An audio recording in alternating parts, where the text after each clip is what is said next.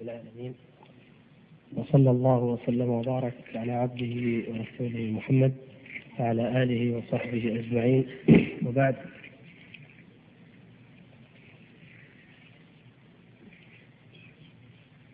فلدينا موضوعات كثيرة وقد كثرت جدا في هذه الأيام والله المستعان.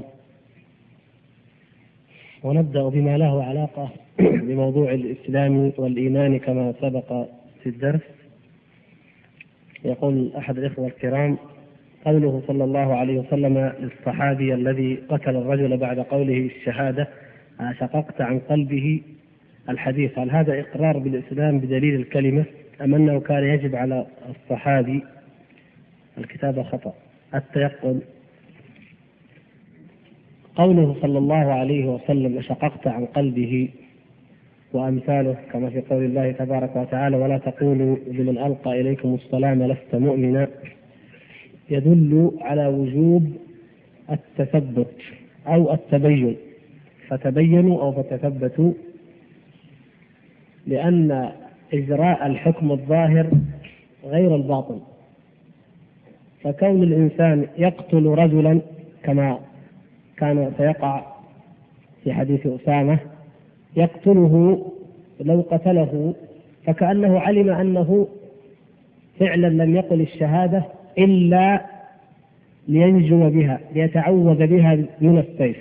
وهذا حكم بالباطن. ولا يجوز الحكم على الباطن ولا به لأنه من علم الغيب. لكن في الظاهر من قال الكلمة ألزم بالشرائع الظاهرة ونكل أمره إلى الله. فهذا في الحكم الظاهر كما قال صلى الله عليه وسلم.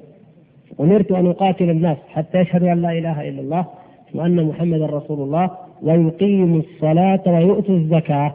فإذا فعلوا ذلك عصموا مني دماءهم وأموالهم إلا بحق الإسلام وحسابهم على الله أي في البواطن. فقد يقولون ذلك ويفعلونه وهم في الباطن منافقون في الدرك الأسفل من النار فحسابهم على الله في بواطنهم. وفي هذا حكمة عظيمة لكل من يريد إجراء الأحكام أو أو يصدر أحكاما فلك أن تحكم على الأقوال لك أن تحكم على الأعمال. أما البواطن فلا يحكم عليها إلا الله عز وجل الذي يطلع عليها.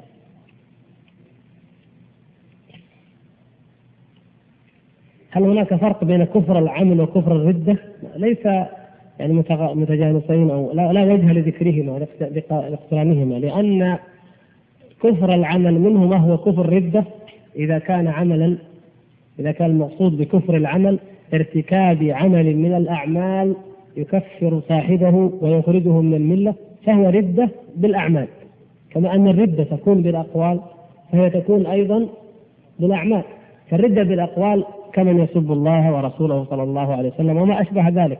والردة بالأعمال كأن لا يسب لكنه قد يدوس المصحف والعياذ بالله أو يهينه. أو يفعل أي عمل من الأعمال يسجد الأصنام يعبدها يتحاكم إلى الطواغيت هذه أعمال. الردة تكون بالأقوال وتكون بالأعمال. ولكن أحيانا يطلق كفر العمل في مقابل كفر الاعتقاد. فيكون المقصود الكفر الأصغر. يطلق أحيانا يراد به الكفر الأصغر أي الذي لا يخرج صاحبه من الملة ولكنه بأي حال من الأحوال هو أكبر من الكبائر الأخرى. والقاعدة التي تقدم إيضاحها مرارا أن ما سماه الله أو سماه رسوله صلى الله عليه وسلم كفرا وإن لم يكن الكفر الأكبر فهو أعظم وأشد مما لم يسمه الله تبارك وتعالى كذلك من الذنوب والمعاصي. فمثلا يقول النبي صلى الله عليه وسلم سباب المسلم فسوق وقتاله كفر. فنعلم بهذا أن قتال المسلم مع أنه لا يخرج من الملة كما قال تعالى وإن طائفتان من المؤمنين اقتتلوا فأصلحوا بينهما إلا أنه من حيث الجرم أكبر وأعظم من أي ذنب آخر كسرقة المسلم مثلا أو سبابه أو غير ذلك مما لم يسمه الشارع كفرا. موضوع الزاني هذا تكلم يعني الحديث حديث لا يزني الزاني ولا يسرق السارق. تكلمنا فيه مرارا. فالأخ عندما يسأل هل الزاني وشارب الخمر اثناء وقوعهما في المعصية؟ يعني منفي عنه الإيمان؟ المطلق أم مطلق الإيمان؟ ويبقى مسلما. ما الذي ينتفي عنه؟ الإيمان؟ يعني بمعنى أنه ترك الكمال الواجب ترك الكمال الواجب. فمعنى ذلك لا ننفي عنه مطلق الإيمان. لا. لأنه مسلم وإنما ننفي عنه الإيمان المطلق فنقيده. يعني ننفي المطلق ونثبت المقيد فنقول مؤمن بإيمانه فاسق بكبيرته حتى نخرج عن مذهبي الخوارج الذي يقول إنه كافر والإرجاء الذي يقول إنه كامل الإيمان. ويبقى مسلما نعم ما لم يستحل ذلك فإن فعل الزنا أو الخمر أو الربا أو أي كبيره من الكبائر مستحلا لها معتقدا أن هذا جائز وسائغ ويعني معرضا عن كل ما جاء في ذلك من آي أو أحاديث فهذا يكون كافرا. وكفر الاستحلال نوع آخر من أنواع الكفر والردة نعوذ بالله من ذلك. هل يمكن أن يوجد في شخص إسلام دون الإيمان؟ إذا كان ممكنا فكيف يكون ذلك؟ وهذا الذي قلنا هذا ظاهر حديث سعد الذي قال الإمام أحمد حديث سعد أحب إلي لأنه أوضح عندما قاله النبي صلى الله عليه وسلم أو مسلما فهو يقول يا رسول الله إني لأراه مؤمنا أو لمؤمنا فيقول النبي صلى الله عليه وسلم أو مسلما. فالفرق بينهما واضح. فنعم قد يكون الرجل مسلما ولكن لا يكون مؤمنا لأنه لم يأتي بمرتبة الإيمان ولم يحققها وهي فعل الواجبات وترك المحرمات.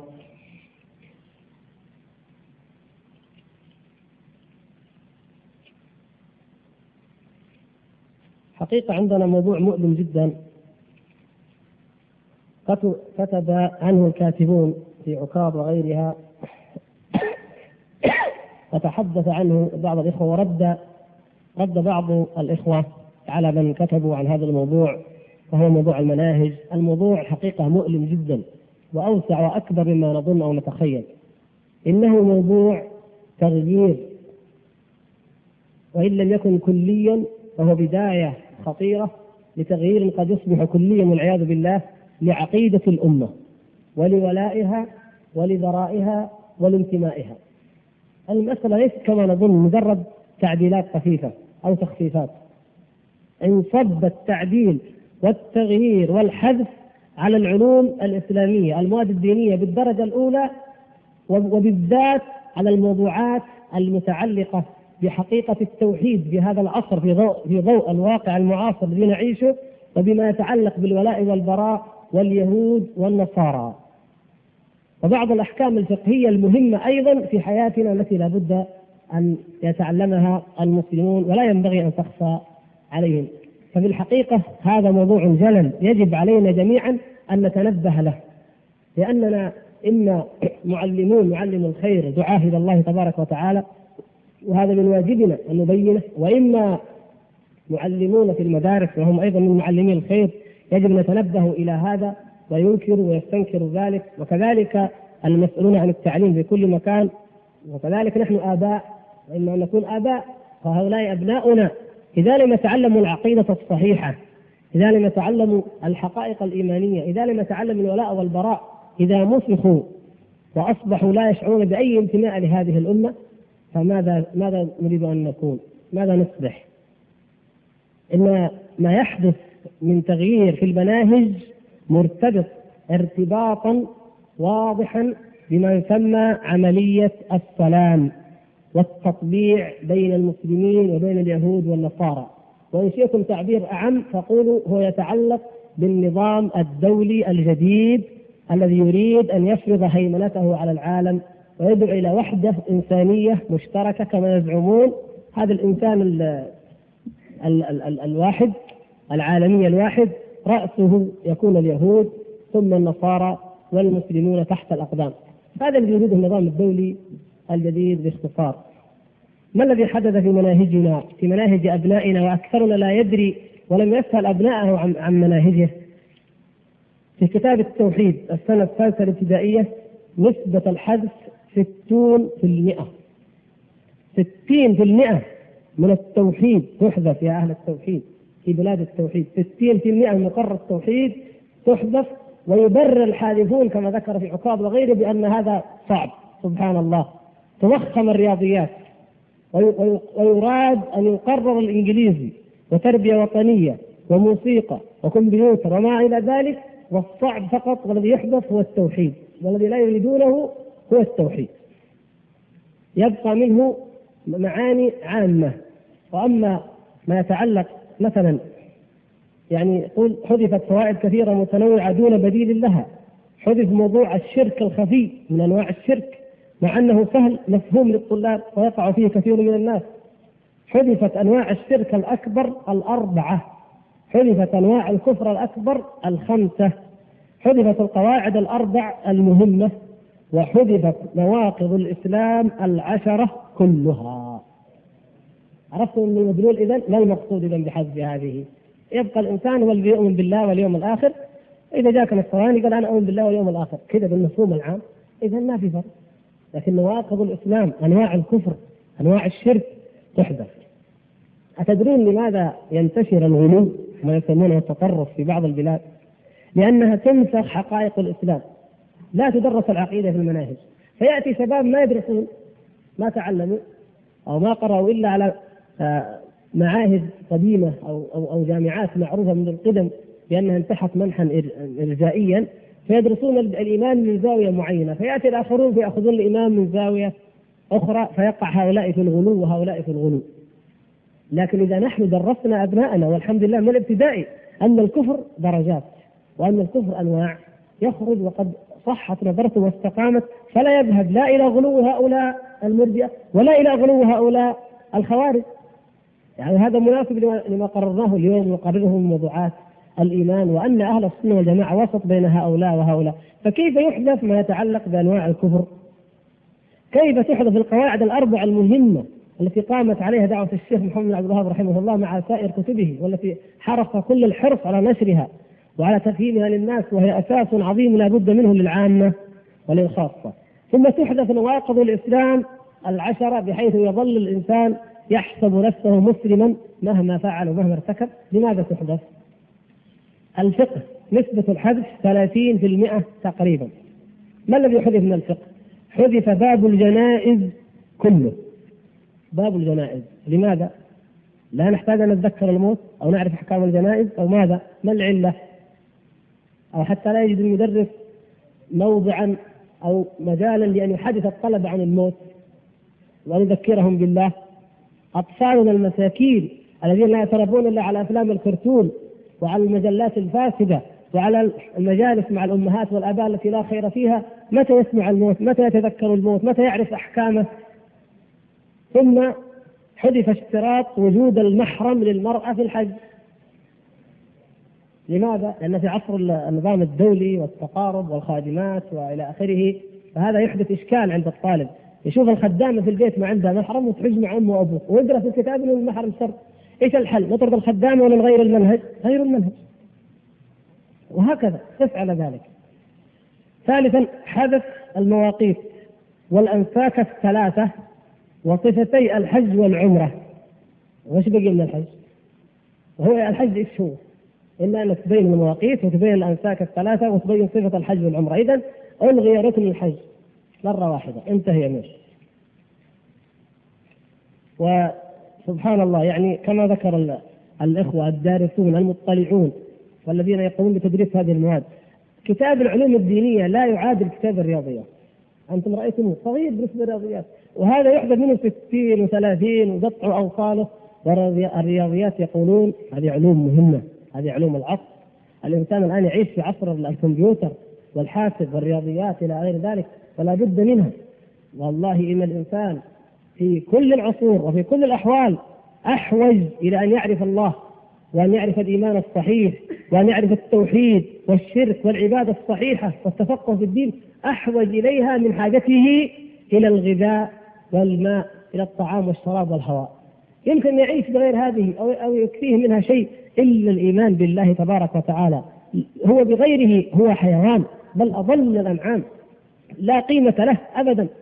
وإن كان يتفرج على البث المباشر ويزيد الكمبيوتر ويفعل أي شيء ويتحضر كما يقولون مهما عمل وهو مجرد عن الإيمان بالله تبارك وتعالى فلا خير فيه ولا في عمله بأي حال من الأحوال بل حتى حياته لا تكون إلا نكدا. وإلا ضيقا ومن أعرض عن ذكري فإن له معيشة ضنكا. نسأل الله العفو والعافية. السنة الرابعة الابتدائي حدث من التوحيد الأمثلة على أنواع العبادة كالدعاء والذبح والنذر مع أنها أمثلة مهمة توضح سعة مفهوم العبادة وحقيقة العبادة هي الدعاء وهذه. وتعين الطالب على تجنب ما يقدح في العقيدة وعلى التحذير. من نعم. فإذا حذفت هذه ماذا بقي؟ وقد يقال إن هذه حذفت لأنها سوف تتكرر في سنوات قادمة. ونقول لماذا لماذا لا تتكرر؟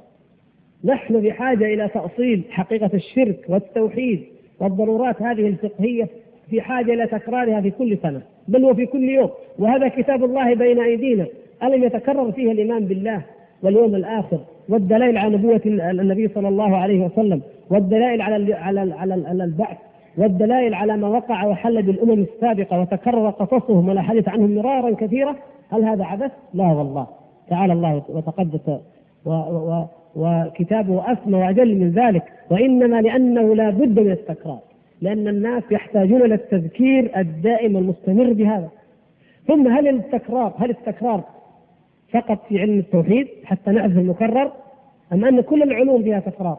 الرياضيات ما فيها تكرار الكيمياء والفيزياء ما فيها تكرار الجغرافيا ما فيها تكرار كل العلوم قائمة على تكرار إما إعادة الشيء لغرض وإما تفصيل بعد إجمال وإما شرح بعد تبسيط وهكذا. حذف من الفقه أيضا 30% السنة الرابعة. من التفسير حذف أيضا مثلا. تفسير الفاتحة حذف وصف اليهود بأن الله غضب عليهم ولعنهم. العم صام والشعب المختار وكلنا عيال العم ولا عاد أحد تراب الكلام. يحذف وصف اليهود بأن الله غضب عليهم ولعنهم. يعني وحذف وصف النصارى بأنهم افتروا على مريم بهتانا عظيما. طيب هذه أوصاف في القرآن. وسهلة يعني أسطر. لماذا تحذف؟ لاحظ. عندما يقال للطفل الكتاب هو هو لكن اشطب السطر هذا اللي فيه ذكر اليهود. واشطب السطر الثاني فيه ذكر النصارى والباقي باقي المنهج عليكم. سبحان الله ليه؟ ما الذي يضر هذا الصوت؟ وهي في القرآن وسهلة وواضحة لكن لأنها تعطي الطفل تربيه على أن اليهود أعداء الله. إذا هم أعدائي والنصارى أعداء الله وأعداء رسول الله وإن كانوا يغلون فيهم إذا هم أيضا أعدائي. لا يراد أن يكون أبناؤنا مثل الدواجن دواجن تتربى في محاضن تفرخ وتسمن لا توالي ولا تعادي. همها الطعام والشراب وخلاص. وظيفة تؤمن له. يحاول بعد سنين ولو بعد تبسيط طويل سيارة وبعد مدة طويلة إلى أن يموت يبلغ الستين حتى يحصل أيضا على بيت ويفكر كيف يحصل على بيت مستقل يدفع أقساطه وفي الليل يتفرج بالتلفزيون الفيديو وينام. هذا هذا حيوان ليس إنسانا. لأن الإنسان بعقيدته وبإيمانه وبمقدار ولائه وبرائه وبحقيقة انتمائه. حقيقة الإنسان هي في انتمائه. ولهذا نحن نسأل أي إنسان نقابله من أي بلد إيش دينك؟ على طول تسأله. تعرف انتمائه؟ يهودي نصراني بوذي فتحكم عليه رأسا. الإنسان هو بانتمائه. له بطوله بعرضه براتبه. أبدا. يوجد ناس من أحقر خلق الله دينا وخلقا. ولديهم الأموال الطائلة ودول كذلك ويوجد من أفضل خلق الله وأفضل خلق الله قطعا هم الأنبياء صلوات الله وسلامه عليهم وكانوا من افقر الناس وأزهد الناس في حياتهم الدنيا ومنهم رسول الله صلى الله عليه وسلم الذي خير بين الدنيا والآخرة فاختار الآخرة وكان صلى الله عليه وسلم ينام على الحصير حتى أثر في جنبه الشريف صلى الله عليه وسلم. لا تقدم تكنولوجي ولا رفاهية ولا تنمية ولا شيء من هذا. ومع ذلك كان ولا وهو سيد ولد آدم صلى الله عليه وسلم كذلك. ولم ينزل هذا من قدره شيئا. إن الله يعطي الدنيا من أحب ومن لم يحب. كلا نمد هؤلاء وهؤلاء من عطاء ربك. فتقليل المناهج الدينية الشرعية باسم أن أننا حريصون على التنمية وعلى التطور من أجل أن يحل محلها علوم أخرى يقتضيها التطور هذا باطل. مع أن المقصود كما تلاحظون ليس التطور ولا التنمية. المقصود عقيدة الولاء والبراء بالدرجة الأولى.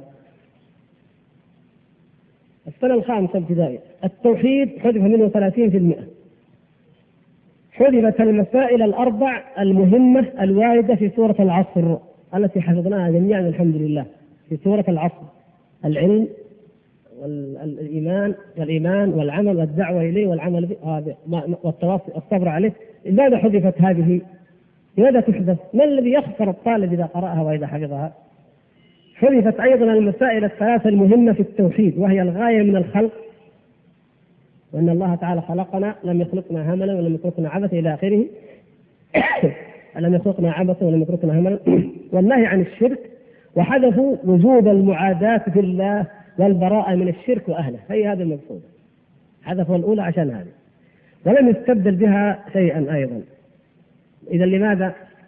لماذا تحدث الآيات والمقررات والأحاديث التي تتحدث عن الولاء والبراء في حال نحن نرى المسلمين يذبحون فيه في كل مكان؟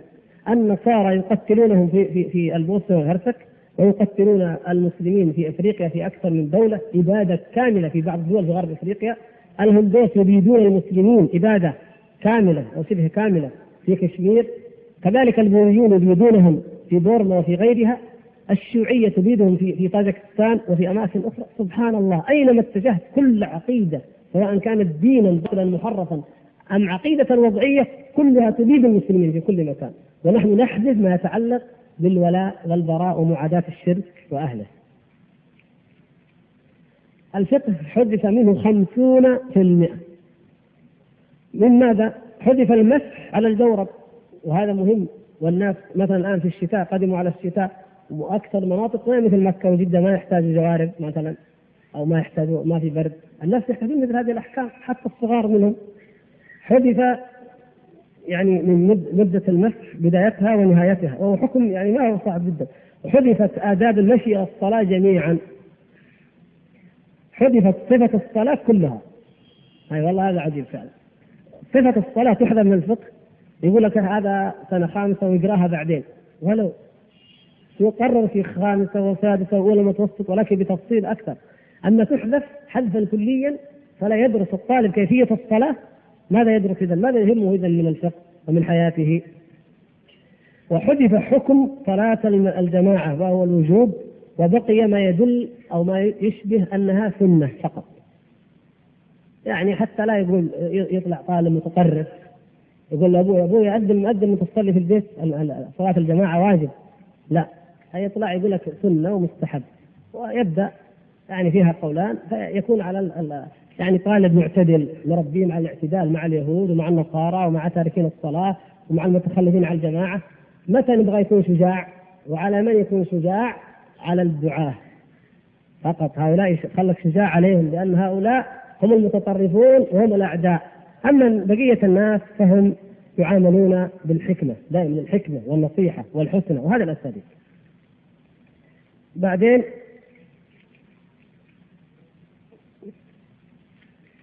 كما ذكر الأخ الذي كتب هذا وهو متخصص يقول الذي تولى الحذف والتعديل شخص واحد غير متخصص.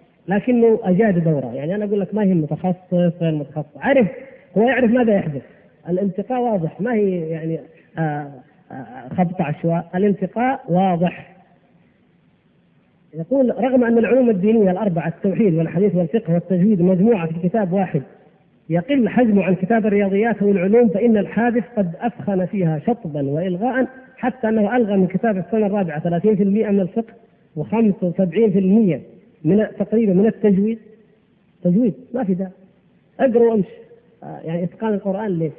أيضا لأن العصر عصر إيش؟ عصر كمبيوتر. هو عصر تجويد. وهكذا.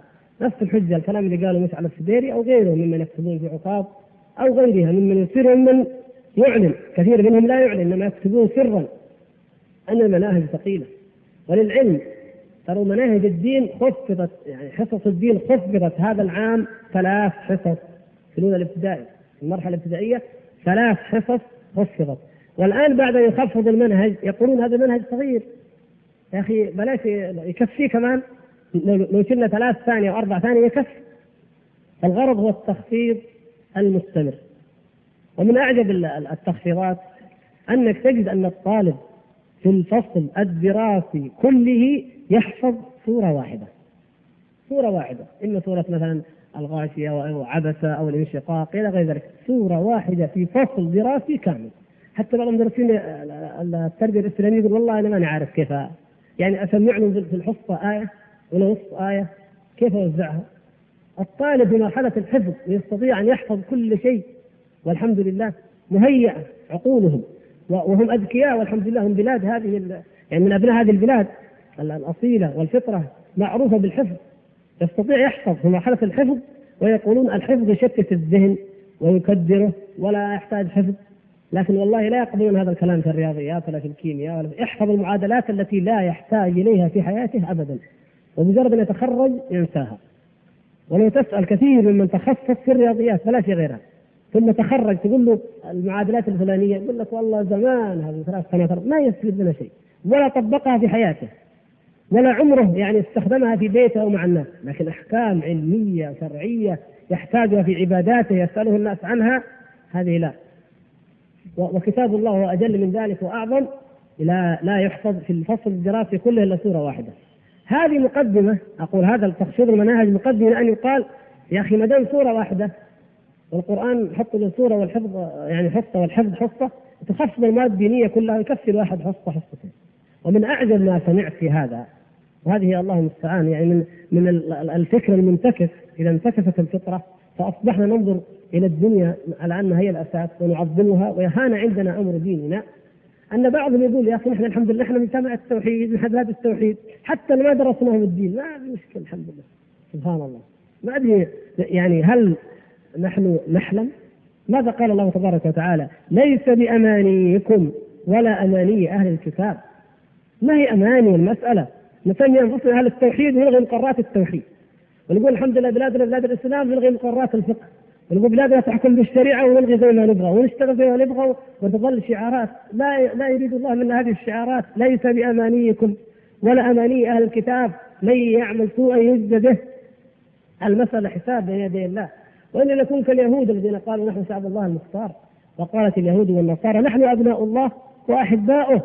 قل فلم يعذبكم بذنوبكم؟ بل أنتم بشر ممن خلق. الصحابة رضي الله تعالى عليهم ما قالوا هذا. جيل الصحابة في عهد عمر بن الخطاب رضي الله تعالى عنه ما قال الناس نحن أهل الإسلام وأهل الدين وأهل التوحيد فكل عمل نرتكبه فلا حرج. وأي ذنب عندنا فلا بأس به. أو ما يعني ما تنظر إلا هذا الجانب. إذا قلت لأحدهم اتق الله لما تفعل هذا؟ أو عندنا هذه المصائب قال يا أخي أحسن من غيرنا. ما تنظر إلا هذا الجانب. وبهذا أحسن من غيرنا أحسن من غيرنا. ذهبت أمور كثيرة وضاعت أصول عظيمة وامتدت يد التحريف والعبث حتى إلى مقررات التوحيد في مناهجنا وما زلنا نقول أهل التوحيد وبلاد التوحيد ومناهج التوحيد وعقيدة التوحيد إلى آخر الشعارات التي لا تنفع والله عند الله إلا بالعلم والعمل والدعوة والصبر على الأذى في سبيل هذه الدعوة. ثم يعني يناقش الاخ حقيقة ما يقال من أن هدف التعديل هو التيسير على الطلاب وهذا ذكر في الصحف التيسير يكون بالحج التيسير يكون بتسهيل المعاني الصعبة. أما أن تقول والله هذا الموضوع أنا أبغى يسر على الطلاب أحذفه؟ هذا غير صحيح وإلا نحذف أكثر الجبر والكيمياء والرياضيات بل حتى تعليم الإنجليزي وغيره الذي يريدون أن يجعلوه من الابتدائي حتى نحذفه. ولا يضرنا يعني في ذلك شيء لأنه صعب على الطلاب.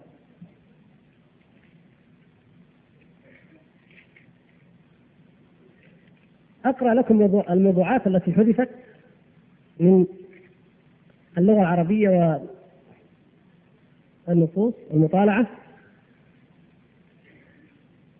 الجهاد. أول موضوع حدث إيش؟ الجهاد. ثانيا فلسطين. ثالثا أول شهيدة في الإسلام. رابعا محمد صلى الله عليه وسلم. يقول لك معروف يعني الرسول صلى الله عليه وسلم ليش نحط له خلاص معروف. خامسا الهجرة. ستة أبو عبيدة رضي الله تعالى عنه أمين هذه الأمة. لأنه ذهب مع وفد نجران. في القصة أنه ذهب إلى وفد نجران. وقال النبي صلى الله عليه وسلم هذا أمين هذه الأمة متى قالها؟ لما طلب وفد نجران منه صلى الله عليه وسلم أمينا. فاللي يقراها يقول ها في نصارى وفي ما نصارى وفي أمين ضد النصارى. شيلوا الموضوع كله. ريحونا من أبو عبيدة من أول لآخر. وكيف ضاعت الأندلس؟ اشطبوها هذه مسألة ما هي أندلس واحدة ضاعت يراد أن تضيع الأمة كلها. فتذكير الناس بضياع الأندلس؟ يقول آه اذا البوسنة اذا كشمير اذا الفلبين اذا أريتريا اذا الصومال. آخر واحدة يأخذها الصليبيون. اذا كذا كذا. لا يراد إلغاء هذه القضايا من أذهان الناشئين. معركة القادسية. واحد واثنين. تنحذف السنتين لأن أيضا إيران قد تزعجها هذه المعركة ونحن نريد تحسين العلاقة مع الروافض. فتية آمنوا بربهم اللي هي صور من غزوة بدر. تحدث لأن لها أيضا علاقة بالجهاد والشرك والمشركين. حدثت معركة اليرموك أيضا عشان ما نزعل الروم وهم أحبابنا ونظام الدولة الجديد يجعلهم أسيادنا. فما في داعي لذكر اليرموك ورحمه الله ورحم من قادها الإمام أحمد بن حنبل حدثت سيرته من المقرر. لماذا؟ السنة والبدعة وخلق القرآن ومقاومة الظلم والصبر على أذى السلاطين في داعي له أيضا هذا مثال ويحدث حتى لا يفسد عقول الشباب في نظرهم. إمام الدعوة محمد بن عبد الوهاب يحدث لأن في ناس يقولوا الوهابية تكفر المسلمين وفي عندنا شيعة في عندنا صوفية في عندنا طوائف لا يعجبها نذكر الشيخ محمد بن عبد الوهاب. وكما بلغنا أن الروافض قبحهم الله قالوا أولادنا ما يمكن يدرسوا المقرر الثانوي وفيه أن الشيعة يسبون الصحابة. ف آه، ابنائهم عن المدارس فألغي أيضا المقرر الثانوي وهذا ما تعرضنا له هنا. ألغي الكتاب الذي كتبه فضيلة الشيخ صالح الفوزان. واستبدل بغيره. لماذا؟ لأن الرافضة لا يريدون ذلك. طيب الصوفية لا تريد أيضا الموالد. وما يتعلق بها وهكذا فنظل نقطع ديننا حتى يبقى مقرر المواد الدينية مجرد توجيهات وآداب عامة يرضى بها الدرزي والنصيري والرافضي والصوفي والبدعي كل واحد يرضي يرضيه هكذا ولو أن أحد من أهل السنة يعني تخلف ابنائهم أو قالوا ما ندر ما يدرس أبناؤنا إلا إذا عد المنهج لقالوا هذا إضراب وطبق عليهم 15 سنة سجن إلى آخره. والله المستعان، يعني الكيل مكيالين ليس فقط عند النظام الدولي الجديد وإنما أيضا حتى التعامل مع أهل السنة ومع أهل البدع والخارجين عن عقيدة أهل السنة والجماعة. يوم حطين أيضا حدث، حطين حدثت. فلا داعي لصلاح الدين ولا لحطين ولا تذكير الناس بأن فلسطين أرض إسلامية وأن ضحينا مرارا من أجلها، لا ليرموك ولا حطين. وحدث أيضا موضوع القدس عاصمة فلسطين. لماذا؟ لأنه يمكن تصير عاصمة لإسرائيل والسفارة الأمريكية تنتقل إليها. ما في داعي تبقى القدس عاصمة لإسرائيل. هذه الموضوعات كلها في كتاب النصوص أيضا حذفت أربع نصوص عن فلسطين. هي من أمين لاجئ وصرخة في أرض المسجد الأقصى والشهيد. الله المستعان. حتى الأشعار التي تتعلق بالمسجد الأقصى وبالقدس وصلتها هذه الأيادي ولا حول ولا قوة إلا بالله. آه السنة الثالثة المتوسط نقرأ عليكم يعني ماذا ماذا حدث من المنهج. حدث من 95 إلى 110 حدث موقف العقيدة الإسلامية من التيارات والمذاهب الفكرية الحديثة. لأن هذا الكلام يزعل البعثيين والقوميين والنصريين والوحدويين والاشتراكيين والعلمانيين كلهم يزعلون الحداثيين ما يعجبهم الكلام هذا. يكون هو حداثي ولد يدرس موقف الإسلام من التيارات الفكرية الحديثة ما يصلح. فأحسن شيء شطبوها. شطبوا نظرة الإسلام إلى الوجود كله. شطبوا ثروة الشريعة الإسلامية. شطبوا ضرورة تحكيم الشريعة الإسلامية في جميع شؤون الحياة. يعني يكفي بعض الجوانب أن كلها تطرف فشطبوها. حذفت أساليب الدعوة إلى العقيدة. حذف موضوع إعداد الطالب روحيا وفكريا واجتماعيا ليكون قدوة حسنة. حذف موضوع سماحة الإسلام ويسر تعاليمه وأسئلة على موضوعات نبذة نبذة نبذة العقيدة الإسلامية. كل هذه الموضوعات حذفت في مقر التوحيد في السنة الثالثة المتوسطة ولا حول ولا قوة إلا بالله. فالحقيقة يا إخوان هذا يعني أنا ما ذكرت إلا جزءا أقول هذا والله يحملنا مسؤولية كبيرة لا نعفى عنها منها لا في الدنيا ولا بين يدي الله سبحانه وتعالى بل ربما يحاسبنا عليها أبناؤنا أنفسهم في هذه الدنيا. لا بد أن ننكر هذا. كل منا يكتب يقدم. يعني تصوروا لو أن كل أب غيور سأل أبناءه وتأكد ولاحظ هذا من أبنائه وقارن منهج هذه السنة بالعام الماضي وكتب. مستحيل إلا يتغير المنهج ويعود إلى الأصل الصحيح بل يزاد فيه. فإذا كان الروافض طالبوا واستجيب لهم بالباطل فيجب أن تطالبوا أنتم ويستجاب لكم بالحق. فهذه أمانة عظيمة أنا ألقيها في أعناقكم. وأنتم آباء وأنتم مدرسون وأئمة أن كل واحد منا يتنبه لأبنائه. أمانة عظيمة والله. وليس ليس هذا الهدم في المناهج وليس هذا المنكر مثل أي منكر. ما هو مثل حادثة معينة ما هو مثل حفلة مثلا فيها اختلاط ما هو مثل صورة عليها صليب أكبر من ذلك بكثير تربية أجيال كاملة تتربى على غير وضوح في العقيدة وعلى غير فهم للتوحيد وعلى غير معرفة بأحكام دينها الأساسية تقليص لدينها وتكثيف لمواد أخرى لا تنفعها. هذا تربية جيل بأكمله. قد ينفر فيما بعد قد يرفض قد يصوت قد يصبح منحلا لا دين له. هذه قضية خطيرة أخطر من أي قضية أخرى قد تتصورونها لعلاقتها الأساسية والمباشرة بتوحيد الله وهو أساس كل شيء وبالعقيدة وبالأحكام الأساسية في حياة الإنسان المسلم كما رأيتم. فلا بد من الإنكار من الجميع كل بحسبه. وبأسلوب الذي يستطيع. وليكن الإنكار في الصحف. وأنا أشكر الإخوة الذين كتبوا وأعطوني صور المقالات كتبت في الصحف سواء نشرتها الصحف أو لم تنشرها لكن اكتبوا. واكثروا على الصحف وسوف تنشر ذلك إن شاء الله وبعضها قد نشر والحمد لله.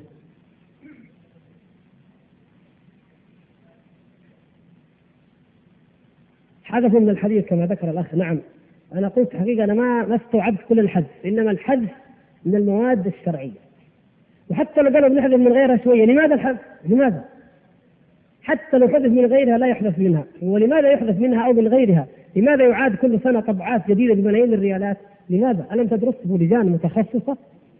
لماذا يعاد التخفيف على الطلاب؟ حتى يتفرغوا لمتابعة الكرة والبث المباشر واللهو وإلا نريد تربية أمة عالمة متعلمة في أمور دينها ودنياها غير جاهلة ولا مجهلة. فالحقيقة لم نستوعب نعم كل التعديلات و يقول الأخ نرجع إلى تاريخ بداية الحج. طيب. المهم الأخوة المعلمون لديهم نعم. يعني كما ذكر الأخ يقول إن هذا الموضوع في غاية الحساسية والخطورة والأهمية صدقت. قال ولا يكفيه مجرد استعراض عابر لا بد من رصد هذه الحركات ووضع البرامج اللازمة لمقاومة ذلك. كما نرجو أن تتطرق في هذا المرة طالما فتح الموضوع عن بيان دور المعلم في هذا الصدد.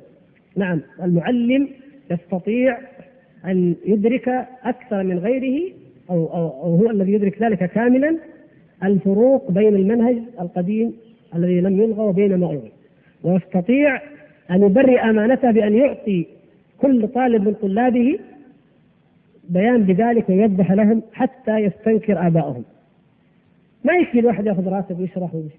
يا أخوان والله ما تنفعنا هذه الرواتب ولا هذه المناصب ولا هذه الدنيا إلا نضحي لديننا يا أخي أعطي الطلاب كل طالب قل له قل لأبيك إن هذه قد حذفت وغيرت. خلى أبوه يتصرف. لكن نحن يجب علينا جميعا ان نتعاون في هذا وان نطالب والحمد لله يعني الموضوع سبق فيه مطالبة. ونحن إذا طالبنا نحركها. وتقدم بعض الغيورين إلى سماحة الشيخ عبد العزيز بل إلى هيئة كبار العلماء. وطالبوا بأن تبقى المناهج بل أن تزاد وتقوى من الناحية الإسلامية. فمطالبتنا تزيد الموضوع قوة وتحركه يعني نفسنا نبدأ من الصفر. فالموضوع من قبل قد طولب به. لكن يعني من المنطقة الغربية فيما أعلم ما أظن أحدا يعني سبق أن تحرك أو تكلم ولذلك أحببت أن أستعرض لكم هذا لنقوم بواجبنا أسوة بإخواننا في المناطق الأخرى جزاهم الله خيرا. هذا بيان من إخوانكم في الاتحاد الإسلامي الصومالي مكتب العلاقات الخارجية والإعلام آه، أرسلوه إلى بعض الصحف أكثرها لم يستجب لهم وكذلك بعض الإذاعات العالمية المشبوهة مثل لندن ومونte كارلو وأشباهها لم تستجب لهم. لكن هذا من واجبنا جميعا أن نبلغه للأمة. يقول الإخوة بسم الله الرحمن الرحيم الحمد لله والصلاة والسلام على من لا نبي بعده. وبعد في البيان رقم 13 بتاريخ 7 6 1413 1 12 92 ميلادية. وبعد فقد تناقلت وكالات الأنباء خبر التدخل العسكري الأمريكي في الصومال بقوات قوامها 30 ألف جندي 30 ألف جندي تحت غطاء هش لعلم الأمم المتحدة بحجة حماية إمدادات الإغاثة وترحيب أطراف صومالية بهذا التدخل العسكري الأمريكي الواضح في الصومال. وبالرغم أننا نتألم لمعاناة شعبنا وبلدنا لجراء هذه الحرب المفروضة عليه من قبل أولئك الذين فقدوا كل إحساس بالمسؤولية والذين أوصلوا الشعب إلى هذه الدرجة من الإحباط واليأس إلا أننا نرى أن هذا التدخل العسكري الأجنبي لا يحمل أي حل لمشكلة الصومال. وإنما سيسبب ضررا دينيا جسيما للأجيال الحاضرة والقادمة تهون دونه الأنفس والأموال والفتنة أشد من القتل. ونود أن نشير إلى أن الولايات المتحدة الأمريكية كانت تتحفظ باستمرار منذ بداية الأزمة تدخل الأمم المتحدة في القضية. كلنا كنا نسمع هذا واضح. كانت أمريكا ما تريد أن تتدخل الأمم المتحدة في قضية الصومال. عندما كان الشعب الصومالي يتعرض للإبادة والتشريد وكانت الأوضاع أسوأ مما هي عليه الآن. ولم تتحرك إنسانية الإدارة الأمريكية في ذلك الوقت. لذلك فإن التغير الأمريكي المفاجئ وبهذا الحجم الكبير من القوة العسكرية يثير الشكوك لا سيما وأنه جاء بعد حملة إعلامية مضخمة في الإعلام الغربي حول ما سموه الأصولية المتنامية في الصومال كما في الواشنطن بوست الهيرالد تريبيون الجارديان وبعض شبكات التلفزة إلى آخره. كذلك فإن المعلومات التي ذكرتها الأمم المتحدة بأن ما بين 70 إلى 80% من إمدادات الإغاثة تتعرض للنهب هي معلومات مضللة حسب تعبير منظمات إغاثية دولية تحقيق في الجارديان وإنما جاءت هذه المعلومات المضللة وغيرها من الممهدات الإعلامية من أجل تبرير الغزو الأمريكي المشبوه لذلك يعلن الاتحاد الإسلامي الصومالي رفضه القاطع لهذا التدخل الأمريكي الصارخ ويعتبره غزوا لدولة مستقلة وانتهاكا صريحا لسيادة أمة ويحذر الإدارة الأمريكية من عواقب هذا الغزو وإننا ندعو الشعب الصومالي المسلم إلى اليقظة والانتباه للأضرار الدينية والاجتماعية الجسيمة التي تترتب على الاحتلال الأمريكي. وندعوه إلى أن يفوت الفرصة على عدوه ويدرك أن الحل الصحيح يكمن في الأخذ بأيدي السفهاء وحل مشاكله وفقا لكتاب الله وسنة رسوله صلى الله عليه وسلم. فإن تنازعتم في شيء فردوه إلى الله والرسول إن كنتم تؤمنون بالله واليوم الآخر. ذلك خير وأحسن تأويلا. ونناشد إخواننا المسلمين في كل مكان أن يقفوا مع الشعب الصومالي المسلم في محنته هذه ولينصرن الله من ينصره. إن الله لقوي عزيز. الاتحاد الإسلامي الصومالي مكتب العلاقات الخارجية والإعلام. القضية ما هي خافية عليكم. ونحتاج أن نتحدث بإيجاز عن جذورها وعن أهدافها. أولا يا أخوة الكرام الله تبارك وتعالى له سنن. قد خلت من قبلكم سنن. سنن ربانية. إن الله لا يغير ما بقوم حتى يغيروا ما بأنفسهم. لماذا ينزل ما ينزل بالصومال وبغيرها من البلدان؟ لا بد أن هناك أسباب. وفق السنن الربانية. هذا المجرم الطاغية زياد بري ومن معه عاشوا في الأرض الفساد. قتلوا العلماء. شردوهم. كلموا أفواه الدعاة قفلوا المساجد منعوا المناهج الإسلامية منعوا الأشرطة الإسلامية من الانتشار عملوا كل جهد في القضاء على الدعوة. وكانت استخباراتهم ورجال أمنهم كان همها الأكبر القضاء على الدعوة الإسلامية. وكان الشعب إلا القليل في غفلة عن هذا كله. ولا يبالي ولا يهمه ولم يسأر لدعوته. ولعقيدته ولعلمائه لم يناصح هؤلاء الظالمين المجرمين زياد بري وزمرته ولم يأخذ على أيديهم بل سكت. بالألهات وراء الطعام والشراب حتى جاءت هذه الكارثة فكانت عقوبة للجميع.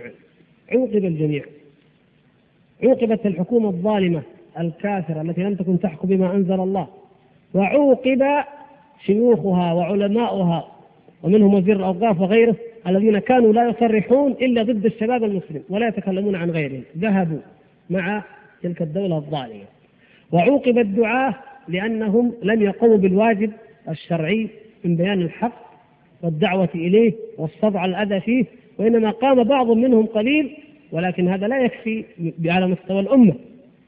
وعوقب الشعب الذي سكت حين رأى الدعوة تنتهك ورأى العقيدة تضمحل وتدمر وآثر الدنيا على الآخرة عوقب بهذا التشريد بهذا الجوع.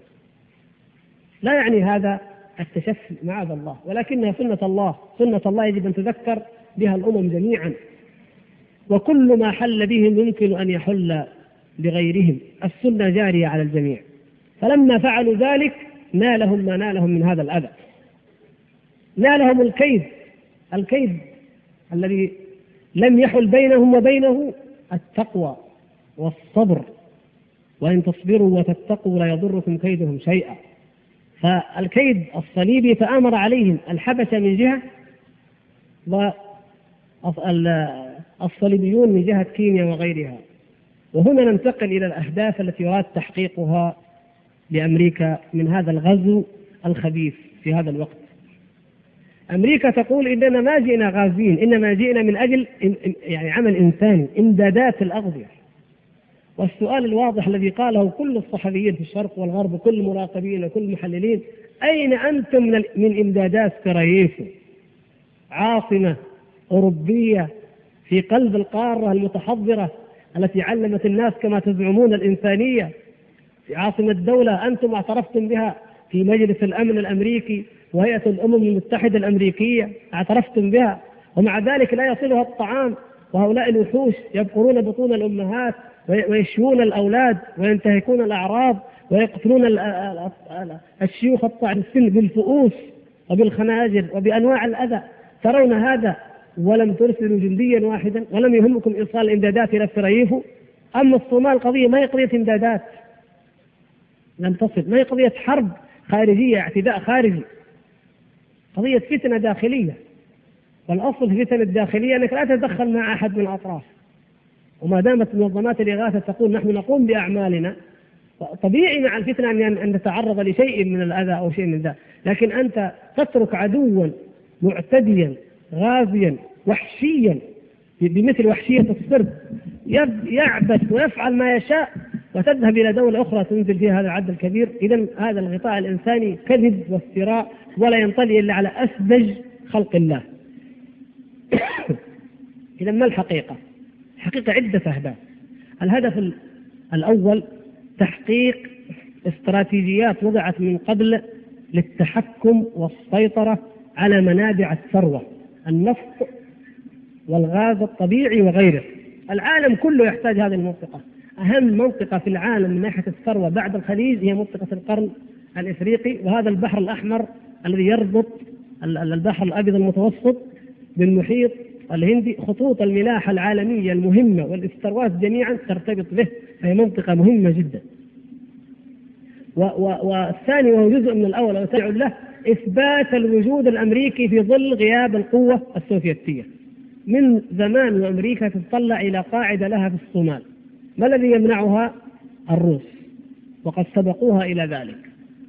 وعندما كانت عدن موالية للشيوعيين أيام الاتحاد السوفيتي في قوته وكذلك الصومال كان أحرج وضع مر لأمريكا من ناحية السيطرة على هذه المناطق. ثم بعد ذلك استمالوا الصومال وبقيت عدن مع الروس وخف الأمر عليهم. الآن يبنون ما يشاءون ويسيطرون كما يشاءون بلا حسيب ولا رقيب لأن القوة المنافسة غير موجودة. ما الذي يمكن أن يكون قوة منافسة؟ العالم الإسلامي إذا إذا فعلوا شيئا بعد الاجتماعات الطويلة وبعد النداءات المتكررة وبعد الموت وبعد المذابح يجتمعون ويصدرون توصية أو قرار مطالبة للأمم المتحدة. إذا لا أحد يحسب حساب هذه القوة أصلا. جامعة الدول العربية والصومال عضو فيها لا أحد يحسب حسابها. لم تحل مشاكل العرب حتى تحل مشاكل الصوماليين. ولا يمكن أن ترسل جيش ولا يمكن أن تتدخل. إذا هذه فرصة لهيمنة أمريكا وإثبات أنها شرطي العالم الذي يؤدب من يشاء كما يشاء ويدع من يشاء يقتل كما يشاء. لأنه شرطي مجرم في نفس الوقت وليس شرطيا عاديا. فيهمه أن يتحكم بإجرامه في هذا الكون ليفرض سيطرته كما يشاء. القضية الثالثة محافظة المحافظة على أمن إسرائيل. أمن من جميع النواحي إسرائيل مثل ما يعني قال أحمد شوقي شوقي في الذي يشتكي قال يشتكي من غير علة. إن للظالم بطنا يشتكي من غير علة. الظالم دائما بطنه يوجعه وما في شيء. لماذا؟ لأنه يريد أن يأكل أموال الناس. إسرائيل تقول باب المندب خطير كيف يقفلوه؟ من فين أحصل على إمدادات بعض الأشياء؟ والقناة مهمة لابد أن نفتحها. وجبل طارق مهم بالنسبة لإسرائيل لابد أن يكون فيه كذا. وألمانيا لابد أن النازية ما تحارب فيها. ومقابر اليهود في باريس لا أحد يتعرض لها. واليهودي الفلاني في نيويورك لا أحد يتكلم فيه. في العالم كله تشتكي بطنها يوجعها من مشاكل اليهود في جميع أنحاء العالم. لأنها تريد أن تلتهم المنطقة كلها كما تشاء.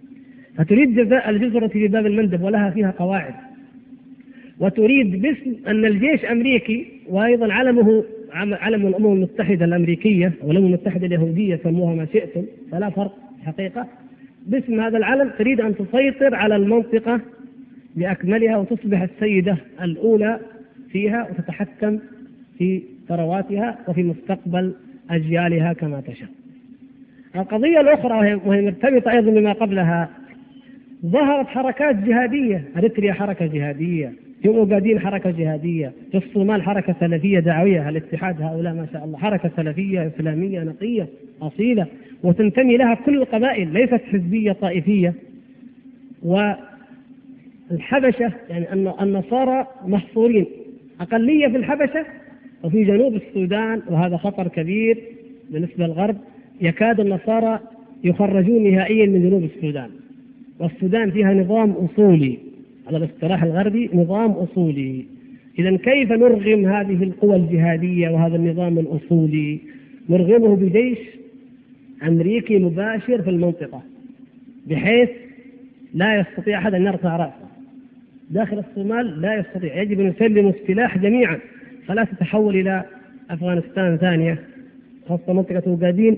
ولو اتحد المجاهدون في الصومال وفي أريتريا لتقوضت النصرانية من شرق أفريقيا بأكمله وهذا لا يريده الغرب ابدا أنك تصبح من الصومال إلى الحبشة إلى السودان إلى تشاد إلى مالي إلى المحيط الاطلسي منطقة إسلامية لا يمكن أن يقر الصليبيون العالميون هذا ابدا وهم يخافون من هذا الخطر ولذلك يريدون أن يوجدوا قوة مباشرة ترغم السودان على الخضوع لهم وتقوي بشكل مباشر أو غير مباشر النصارى في جنوب السودان وفي كينيا وتجهض أي محاولة جهادية إسلامية في هذه الدول.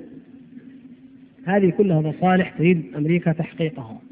ولا يعني ذلك أن أمريكا تريد أن تحتل الصومال إلى الأبد. هذا خطأ دائما نقع فيه. يظن الناس أن الاحتلال معناه وجود قوة مباشرة ودائمة. لا. القوة إذا حققت أهدافها يبقى منها ما يكفي لتحقيق الهدف وينسحب الباقي يعني إذا انتهت المهمة يقول تقول أمريكا الآن الإمدادات أصبحت تصل والحمد لله والقضية الإنسانية انحلت ونرجع ابنائنا خلاص وانتهى الموضوع وهو لم ينتهي. هل سمعتم أو أو تصدقون أن أمريكا ممكن أن تريد قطرة جندي قطرة دم جندي واحد أمريكي من أجل غرض إنساني فقط؟ ما لها أي مصلحة؟ ممكن يكون هذا؟ ما لها أي مصلحة؟ مستحيل. ال 240 و 250 في بيروت المارينز الذين فجروا. أحدثوا ضجة هائلة في أمريكا كلها. كيف أربعين ألف قد يحدث لهم مثل هذا أو أكثر؟ فلا يفعلون عملا لا يعملونه إلا على استراتيجية بعيدة وقديمة على تخطيط والغرض منه بالنسبة لنا الناحية الإسلامية الناحية العقدية الغرض هو تقوية شوكة الصليبية في قلب العالم الإسلامي. الصومال مئة بالمئة سكان مسلمون عندما تنزل هذه الجيوش بنصرانيتها وقد كانوا يشتكون من من هيئات الإغاثة الصليبية. فكيف إذا كان جيشا صليبيا؟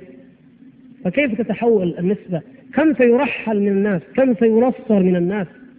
كم تتغير التركيبة الاجتماعية بالفساد والمخدرات والدعارة التي يحملها الجيش الأمريكي معه أينما نزل وحيثما حل؟ لا بد أن اختلالا كبيرا يقع على الأقل في أذهان الناس وها منطقه مهمة جدا يمكن أن تكون رديفا وسندا لهذه الجزيرة جزيرة العرب التي هي جزيرة الإسلام. ولا ننسى أن هذه بادره قد يتبعها بوادر أخرى. يعني لو مثلا اليمن أقرب مثال يمكن تسوء الأحوال في اليمن والأحزاب متناحرة مثل الصومال وقبائل مثل الصومال ما الذي يحدث؟ طيب ما دام أمريكا يعني ضبطت الصومال والله يجزى المحسنين خير وأحسنت إليهم واستقرت الأوضاع ووصلت الإمدادات. أيضا اليمن فيها فتنة فأفضل شيء أن ينقل من الصومال إلى اليمن. يعني غريبة. والبادرة بادرة الإقرار يعني المبدا اقر وهكذا. وهذا ممكن أيضا أن يقع. وهذا ننبه له يعني إخواننا المسلمين عامة في اليمن وفي أي مكان. الخلاف شر. والفرقة شر والفتنه شر وتحدث مثل هذا التدخل الأجنبي الخبيث. والحل أن نعود إلى الله سبحانه وتعالى. الحل يكون بعلماء الأمة يا إخوان. لا يجمع الأمة إلا علماؤها. عندما تحولت إلى فصائل قبلية لا تجتمع ابدا. قبيلة زياد بري حارب عيديد وعيديد يحارب فلان وفلان يحارب علان. ما لها ما لها رابط يجمعها. العلماء هم الذين يجمعون الأمة. ولذلك قلت إن علماء الصومال مع الأسف تخلوا عن دورهم وعن واجبهم. فمنهم من خرج من البلاد ومنهم من صار في ركب السلطة. والذي على الحق وقال كلمه الحق أودع السجن أو أخمد أو منعت كتبه وأشرطته من الانتشار وسكت الناس فكانت هذه العقوبة. فالذي يجمع الأمة هم العلماء. ولهذا يجب أن يكون العلماء مواقف خالصة مخلصة متجردة ناصحة. يقولون كلمة الحق ولا يخافون في الله لومة لائم ويقفون موقفا قويا سدا منيعا في وجه دعاة الفرقة والضلالة والبدعة والشرك والانحلال والفساد. وكل نوع من مما حرم الله تبارك وتعالى مما يمكن أن يؤدي إلى تدمير الأمة وإلى تفتيتها. فإذا لم يقم يقم العلماء بهذا الواجب فتوقع أن الأمة ممكن أن تنهار والعياذ بالله وممكن أن تقسم وأن تجزأ لن يجمعها أي رابطة إذا لم يجتمع علماؤها. هذه قاعدة وطبقوها وجربوا في أي دولة في أي مكان.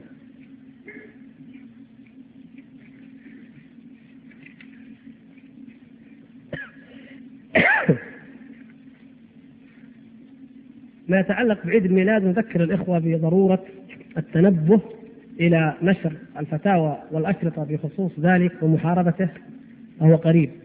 وننبه إلى شيء مهم وهو أن بعض الشركات تجعل احتفالات وهمية جوائز للمتفوقين في الوظيفة. مثلا تخفيضات عامة أشياء من هذا مباريات مسابقات ويكون تاريخها مطابقا موافقا لتاريخ احتفالات النصارى. فتوقد الأنوار ويحضر الحفل والكيك والأكل والكذا والمشروبات والرقص ويقولون يقولون هذا بمناسبة كذا وليس بغرض عيد الميلاد ولعلنا ان شاء الله نحرر في هذا كتابه في هذا الشأن ومن ذلك هذه الشركة برنتان العمودي فإنها يعني عملت احتفالات قسم العطورات وقسم الملابس وقسم الأدوات ببطاقات وتاريخها مطابق لتواريخ الاحتفالات النصرانية.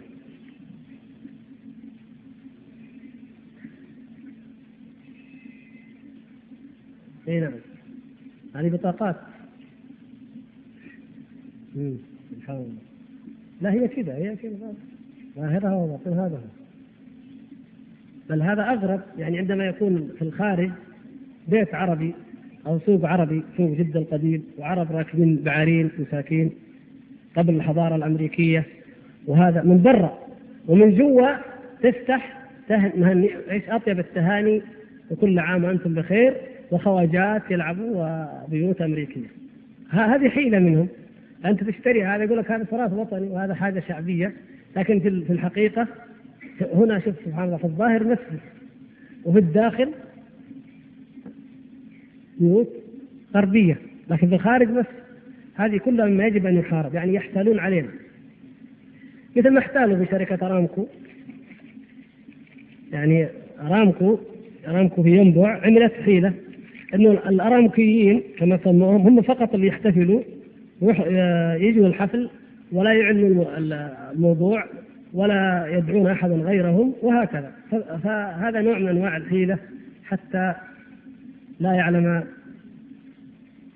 كما يسمونه المطاوعة. فيفعل مثل الحفل الذي كان في شرق الخط السريع الذي تحدثنا عنه قبل أسبوعين. يعني فوجئ الناس لما ذهب بعض أهل الخير ليتحدثوا عن هذا المنكر وإذا قالوا هذا عندنا تصريح. وإحنا قاعدين وإذا تتكلموا نستدعي رجال الأمن. عادوا مكسورين. هم يخافون من هذا نسأل الله العافية. لكن المهم إحنا نبرئ الذمة. ليس شرط أن ينتهي المنكر إذا برأنا الذمة وأنكرنا وحاولنا. فالإثم على من أقر هذا ومن أعطى التصريح به. كما يذكر الأخ يعني هذا نموذج ل آه، التعصب الصليبي الحاقد في فرنسا أن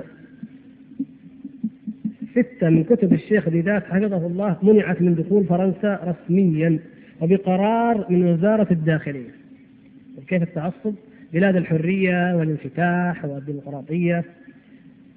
ويقول ولكن الله كان دائما لهم بالمرصاد فقد تسلمت بالأمس كتابا وضعته باحثة فرنسية اسمها آني جرين عن الشيخ واسمه أحمد ديدات رجل ورسالة. وقد حررته المرأة بصفتها مسيحية يعني نصرانية كاثوليكية وفيه تدعو النصارى أجمعين إلى أن الله واحد لا شريك له وأن المسيح نبي وليس إله. سبحان الله. يعني كل ما يمنع هذا الدين يفتح الله عز وجل له يعني وسائل. هذا من فضل الله سبحانه وتعالى. إلى آخر هذه الرسالة. فالحمد لله يعني فعلا الكتابه يعني مدهشه أن يصدر مثل هذه الكتابه من فرنسا ولكن الله سبحانه وتعالى قد تكفل بإظهار دينه ولو كره المشركون ولو كره المؤمنون.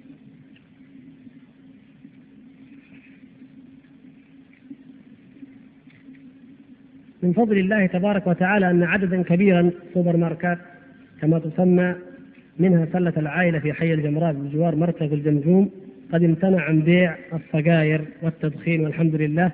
وكذلك مركز الثغر وغيرها إن شاء الله يأتي الحديث عنه. ونرجو نرجو من الإخوة تشجيع هؤلاء وحثهم على الخطوة التالية وهي خطوة إيش؟ المجلات ترك بيع المجلات. دراسة القانون لكم جديد في الإسلام والحمد لله. تفضل. أريد أن يشير الإسلام أمامكم لا إله إلا الله. وأشهد أن محمدا عبده ورسوله. عبده ورسوله. وضحوا لنا المعنى. طيب وضحوا لنا المعنى وضحوا المعنى. يترجم الاخوان المعنى. الأخ من الهند. من اي بلد؟ طيب كان هندوسيا والحمد لله والأخ؟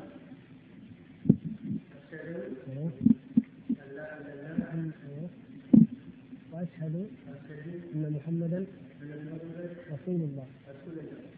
هذه اخف الحمد لله. وفقكم الله. و نحمد الله سبحانه وتعالى على هذا. وبالمناسبة نذكر الأخ الذي آه، يعمل وعنوانه موجود في الحقيقة. يقول آه، هناك رجل يريد أن يسلم لكن لا يستطيع دعوته بالإضاعة في اللغة الإنجليزية وهو في البحرية. من من الإخوان يجيد اللغة؟ يمكن يتعرف العنوان موجود ويدعو هذا الأخ ويوضح له إن شاء الله. طيب جزاك الله خيرا. هناك أمور نأتي عليها سريعا في الوقت كما ترون. قضايا مهمة كثيرة.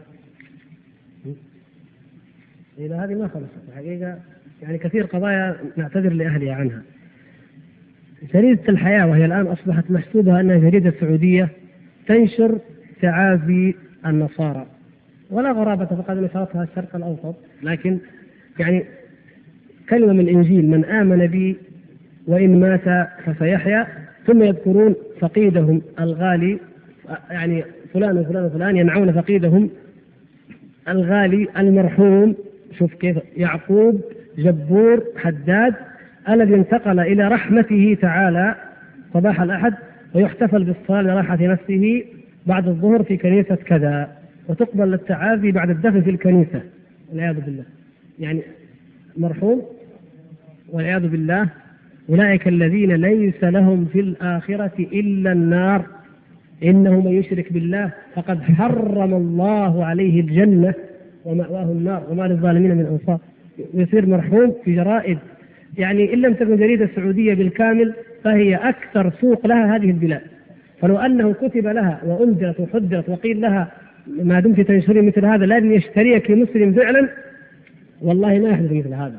تتحدانا في ديننا ونحن أحياء ونشتريها وفي كل بقالة وفي كل مكتبة وفي كل بيت تقريبا تدخل هذه الجريدة وأمثالها. أيضا أخ يذكر قصة عجيبة عن رجل وينتمي مع الأسف إلى البلاد التي بارك الله فيها للعالمين من فلسطين وهو في حي الثغر بجوارنا هنا ويقوم بأعمال غريبة في التنصير أو في الدعوة إلى التنصير. ولا أطيل بذكر الموضوع إنما أنبه الإخوة إلى أن هذه الجهود بدأت تتخذ أشكال غريبة حتى أن هذا الرجل يسكن في غرفة قديمة ولكنه مع ذلك يتدخل في قضايا في السفارة الأمريكية كما ذكر الأخ ويحلف أنه متأكد من هذا. يعني هناك علاقات خفية مريبة للتنصير ويريد أن يثبت جذوره في هذه البلاد.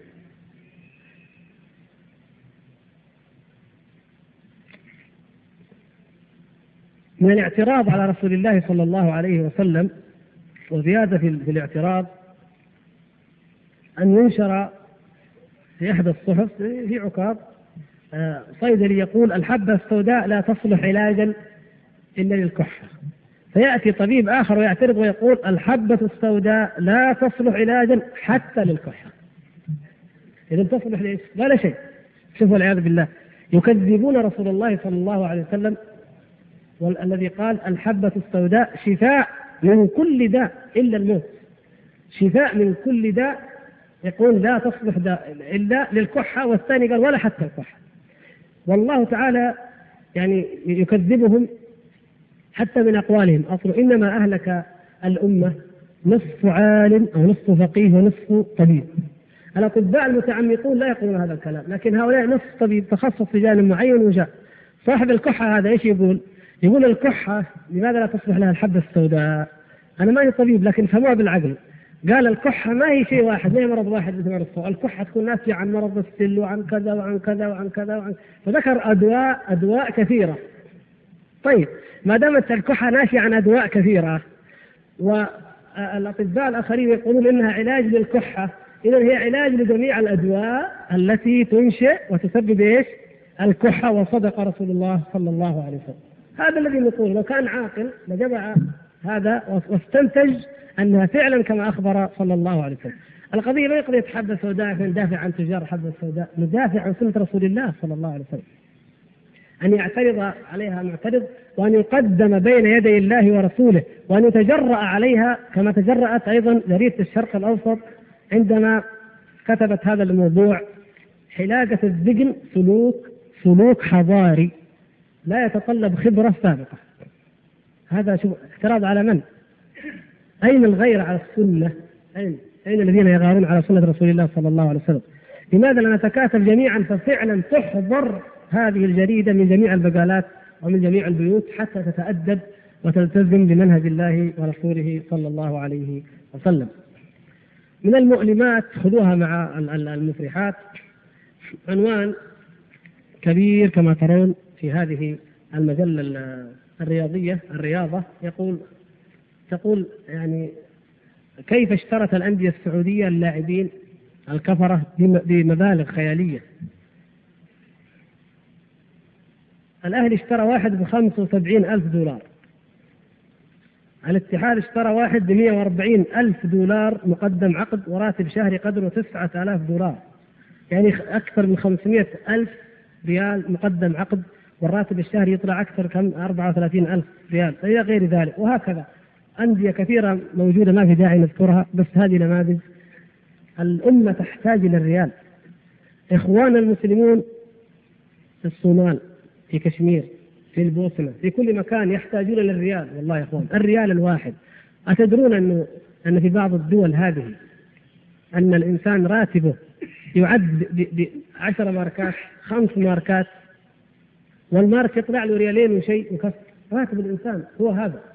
فهذا المبلغ الذي يعطي لاعب يعطى للاعب كرة تافه يمكن لو أعطي لجمعية خيرية أن تطعم به المئات من الجوعى أرامل ويتامى ومشردين يريدون أن يعيشوا وأن يقولوا لا إله إلا الله وأن يعبدوا الله ولا يجدون ذلك والأموال تبذر على اللهو وعلى اللعب هنا. وحسبنا الله ونعم الوكيل. وبهذه المناسبة الهيئات الإسلامية في الصومال موجود عندنا نماذج منها لكنه لا يكفي. قد طرحت مشروع كفالة يتيم في الصومال. ولأن البطاقات لا تكفي فنرجو من كل أخ منا أن يهيئ نفسه ومن يستطيع من أسرته لأن يكفلوا ولو يتيما واحدا هنالك تحت إشراف هيئات إسلامية معروفة موثوقة منها ما تابع للاتحاد الإسلامي ومنها ما تابع لهيئات إسلامية معروفة والحمد لله أن تكفل ولو يتيما واحدا. تبارك الله فيكم كل يهيئ نفسه علما بأن كفالة الطفل شهريا ما يعادل 120 ريال يعني 1440 ريال سنويا للطفل الواحد. وهذا أحد ما ينبغي آه، وما يجب أن ننبهكم إليه. والتنبيه الآخر وأرجو أن يكون للأخوات الإسهام الأكبر فيه وإلا في الواجب على الجميع. أن الأخوات المسلمات في شرق أفريقيا وفي غيرها من المناطق يحتجن إلى خياطة إلى أماكن الخياطة مكائن عفوا مكائن خياطة. هذه مكائن الخياطة اليدوية هذه تفيد عدة فوائد. أولا أنك تبعث من هنا ماكينة خياطة ومعها القماش فهن يفصلن الحجاب ويفصلن الملابس. وأنها تعمل الأخت تعمل فتجد ما يقيم يعني يكفيها في قوتها وأبنائها. وأنك أيضا تشغل المبلغ فبدل ما تعطيهم 100 ريال أو 150 ريال تعطيهم إياه على شكل آلة ويستمر المبلغ في العطاء والإنتاج بدلا من أن يستهلك فيذهب. وهكذا مصالح مركبة. فهذا المشروع أيضا مطروح وهو لدينا نرجو من كل آه، أخت خاصة ومن الإخوان جميعا ما استطاعوا أن يتبرع كل واحد منهم بآلة آلتين ثلاث أربع من آلات الخياطة اليدوية التي لا يتجاوز سعرها 150 ريال. في إمكانك أن تتبرع بماكينة ولو مستخدمة تقبل أو التبرع بثمنها وهو في حدود يعني قدر ب 150 ريالا. وهذه يعني ثبتت فائدتها كما ذكرت لكم في عدة مناطق للأخوات المسلمات الأرامل أو اللاتي أزواجهن في الجهاد أو في الدعوة بعيد بعيدون عن الوطن والله المستعان.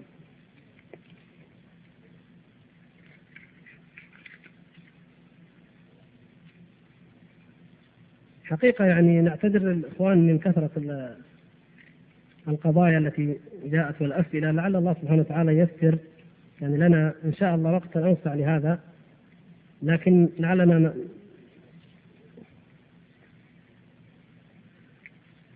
نتعرض لما يتعلق ببعض الاقتراحات المفيدة في الحقيقة التي تأتينا سواء ما يتعلق بترجمة الكتاب أو بأي عمل دعوي كما اقترح الأخ الكريم أن يوضع دروس لتعليم الخطابة للأئمة ودروس في أصول الفقه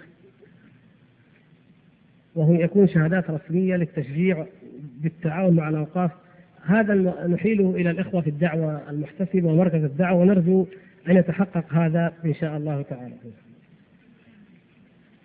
موضوع ترك الصلاة هذه ظاهرة تفشت الذين ينتظرون خروج الطالبات من المدارس آه، السوق الجنوبي سوق الحلقة سوق الخضار هذا الشمال في الشمال. حقيقة جاءتني عدة كتابات عن ترك الصلاة وأن الأذان يؤذن وتقام الصلاة وهم لا يصلون. كثير منهم نسأل الله أن يهدينا وإياهم وأن نقوم بواجبنا في ذلك. من الاقتراحات أيضا استغلال آه، أغرفة الأشرطة وما يبقى منها في آه، نشر وطباعة يعني الدعوة لنشر وطباعة كتاب الجواب الصحيح من بدل الدين المسيح ونشكر الإخوة على هذه الاقتراحات النافعة. آه، أيضا الأخ ذكر أنه كان قد جمع مالا من الحرام ولدي وما يزال متبقيا لديه جزء منه يريد أن يتخلص منه يمكن أن تعطينا إياه ونرسله إلى إخواننا المجاهدين أو اليتامى هنالك فتتخلص منه من جهة وهم في أشد ما تكون الحاجة إليه من جهة أخرى إن شاء الله.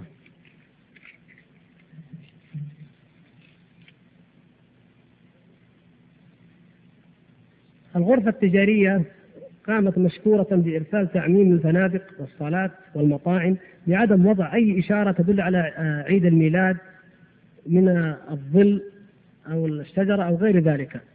وكما ذكر الأخ وهو مشكور ونشكره كما نشكر الغرفة التجارية يجب أن نستغل مثل هذه التعميمات وأن نرى أثرها ونذكر أصحاب هذه الأماكن بها وهذا واجب علينا جميعا ولا نعذر في ذلك. والإبلاغ كما ذكر الأخ عن المخالفات التي قد تقع من هذا. نعم.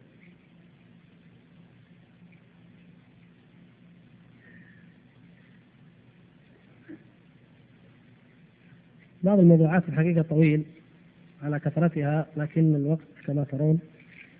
ف آه، نشكر الحقيقة كما ذكر الأخ آه، هيئة الأمر بالمعروف والنهي عن المنكر وخاصة الشيخ فراد العقلة مدير عام هيئة الغربية على اهتمامهم بإزالة الحجر الذي في مكة الذي يسمونه المغضوبة والمسقوطة إلى آخره وهو حجر أصم يعني نحتته الرياح بقدرة الله سبحانه وتعالى.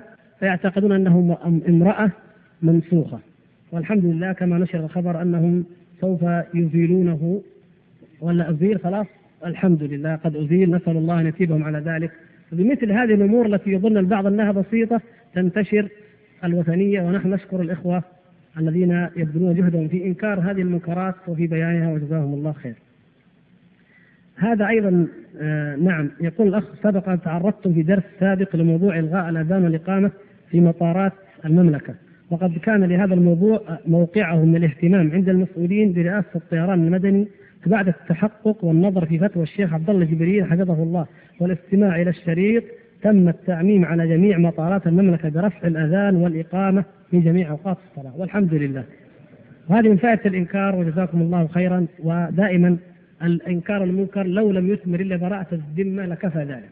ونشكر الحقيقة الإخوان في رئاسة الطيران المدني عموما فقد يعني أبلغوني بواسطة أحد الإخوة أنهم جاءوا يعني جدد وأنهم ما كان عندهم علم بهذا القرار وظننا فيهم هو كذلك إن شاء الله وأن كل مسلم فهو غيور على دينه وعلى شعائر دينه وعلى حرماته. ولهذا نقول أنكروا المنكر. ولهذا نقول يا من تثبطون من ينكر المنكر وتقولون إن هذا إثارة وإن هذا ضد البلد وإن هذا كذا اتقوا الله. هؤلاء الناس يقول ما علمنا. ويقولون جزاكم الله خيرا أنكم ذكرتونا. فلماذا تحرمون أنفسكم هذا الأجر وهذا الفضل وتتركون المنكرات تستشري وتقولون لا لا ينبغي ذلك ولا يذكر ذلك.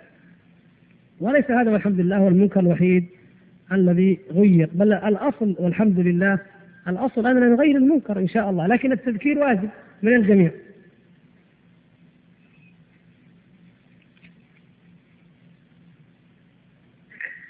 هذه الحقيقة ما فهمت يعني قصد الأخ مصنع الشمراني صناعة يمكن التوانك كذا هو؟ ولا صناعة إيش؟ المهم فيه مسجد لا يصلى فيه كما ذكر الإخوة وهذا آه، الحقيقة لا يجوز إذا كان المسجد معطلا فماذا نريد يعني ذنبا أو إثما أكثر من ذلك؟ ومن أظلم ممن منع مساجد الله أن يذكر فيها اسمه وسعى في خرابها هذا هذا لا يجوز بأي حال من الأحوال حتى لو في عذر معين أو خلل يصلى جماعة ويوقف المصنع أثناء الصلاة ويصلى جماعة في مكان حتى يتم إصلاح المسجد. أما إن كان غير ذلك فهذا لا يجوز بل يجب أن ننكره. الأخ ذكرنا أيضا بأنه في في المسجد في أحد المصاحف التي آه، طبعها المجمع مجمع المصحف في خطأ في ترتيب السور. ما يكفي هذا. يعني كان الأخ أرفق لنا المصحف نفسه وننبه إلى ما فيه وإن شاء الله يكون نسخة واحدة. إن شاء الله الغالب أنه ما يكون في جميع النسخ أو في كثير منها. قد يكون في نفس الدفعة التي رصت يمكن تكون الدفعة 1000 2000 10000 فتتدارك بناء على معرفة النسخة الموجودة إن شاء الله. هنا بطاقات كثيرة. أنا أرجو أن لا يعني يمل الإخوة من كثر ما نكرر هذا لكنه من كثرة الأسئلة. الأستاذ الأخ الإمام دقيقة واحدة. من كثرة الأسئلة أسبوعيا أو يوميا عن بطاقات تخفيض للزيوت وللمستشفيات ولغيرها.